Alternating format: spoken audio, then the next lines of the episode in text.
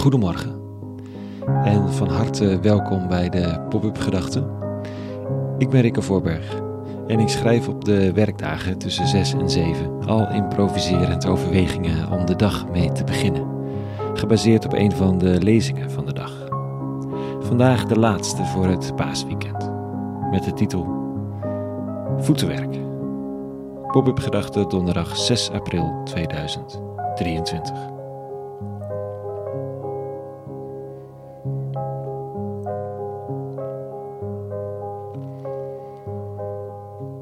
Vandaag Witte Donderdag, bijna Pasen. Een feest waarbij een revolutionair idee rondom macht wordt geïntroduceerd in de wereld. En vandaag is traditioneel de dag waarop dat theatraal zichtbaar wordt met een voetwassing. Gebeurde nooit hoor in onze kerk vroeger, maar ja, we waren gereformeerd. Wij deden niet zoveel rituelen. Maar het schijnt dat er in sommige kerken en in veel kloosters vandaag mensen elkaar de voeten wassen vreemd en intiem ritueel dat overgenomen is uit een cultuur waarin dienaren de gasten de voeten wasten, omdat het stof van de weg in de sandalen bleef plakken. En dat het aanliggen aan tafel met bestofte voeten minder fris was. Het is niet gemakkelijk om het even te vergelijken met vandaag. Misschien een heel klein beetje met een kelner in een goed restaurant, die bij binnenkomst je vraagt of hij je jas aan kan nemen je eruit helpt en voorgaat naar de tafel waar hij of zij dan je stoel achteruit schuift en als je gaat zitten de kaart aanreikt met de vraag of je alvast wat wil drinken. Het probleem met die vergelijking is dat je weet dat je met zo'n behandeling aan het eind meestal stevig de portemonnee moet gaan trekken. Terwijl zo'n voetwassing dus doodnormaal leek te zijn in die Bijbelse context. Maar goed, de mate van dienstbaarheid is mogelijk vergelijkbaar. En waarom is Pasen dan een introductie van een revolutionair idee rondom macht? Nou, er gaat een nieuwe leider opstaan, of er is een nieuwe leider opgestaan met, met pretentie. Een zogenaamde koning der Joden, een nieuwe koning David. Wereldheerser. Iemand die een nieuw tijdperk introduceert. En vandaag wast hij de voeten en morgen sterft hij. Hij sterft niet als jonge, veelbelovende martelaar die in de bloei van zijn leven, ondanks alle ambitie, broed van zijn route, bruut van zijn route, naar de macht wordt beroofd. Hier lijkt de nieuwe macht te kiezen voor deze weg, die van lijden, ondergaan en van weigeren zich te verweren en vergeven wat er wordt aangedaan. Grote woorden, maar aan de ene kant is het sterven van Jezus van Nazareth zelf, de, de, de dood van God, op een bepaalde manier. Een aanklacht tegen de mens.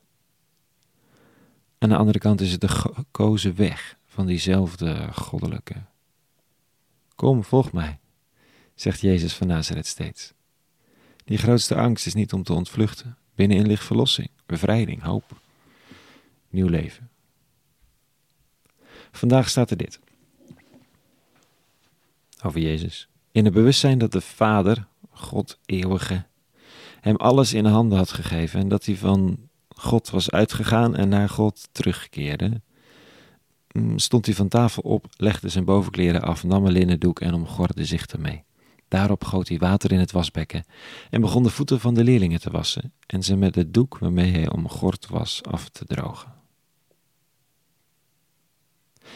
Hm, wat doe je als je eindelijk beseft dat de eeuwige alles in je handen heeft gelegd? jou persoonlijk, dat de wereld om jou scharneert en de macht zogezegd in je handen ligt, al die verantwoordelijkheid, die positie, die taken en mogelijkheden. Hoe besteed je die tijd dan het beste? Je vouwt een eenvoudige linnen doek om je middel, een theedoek, een vaatdoek, neemt een tijl water en wast de voeten van degene die naar je opkijken. Ze zeggen dat het de bedoeling is dat je God dient. Toch? in de kerk en zo. Ik weet het dan niet zo zeker. De God hier knielt neer en dient de mens. Blasfemisch bijna. Omgekeerde wereld. En toch. We gebruiken spiritualiteit vaak om onze zaak te dienen. De mens spant God vaak voor het karretje van het eigen belang. Hier, met Pasen, verzet de eeuwige zich niet, maar zelf legt hij alles af en vraagt om je voeten zodat hij ze kan wassen. om je jas, zodat die aan de kapstok gehangen kan worden. Schuift je stoel naar achter en vraagt of je comfortabel zit om je vervolgens het menu aan te geven en te vragen wat je wilt drinken. En zegt dan zachtjes dat vanavond alles van het huis is. Dan trekt hij zich weer terug en laat jou en mij verbaasd achter. Dat is Witte Donderdag. De omkering, Paas überhaupt, om u te dienen. Ter inspiratie natuurlijk, want, want wie een stapje verder wil komen is welkom op de Goddelijke Hotelschool. Om te leren wat het is. Dat dienen.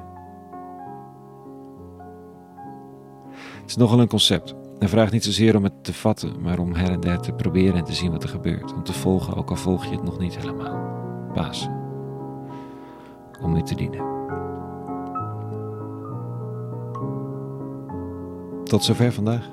Een heel goed paasweekend gewenst. Hier komt de zon al rood op boven de stad en kwetteren de vogels erop los. Een nieuwe dag is begonnen. Een nieuw jaar staat te beginnen en een nieuw seizoen. Dinsdag weer een nieuwe popgedachte. En voor vandaag vrede gewenst. En alle goeds.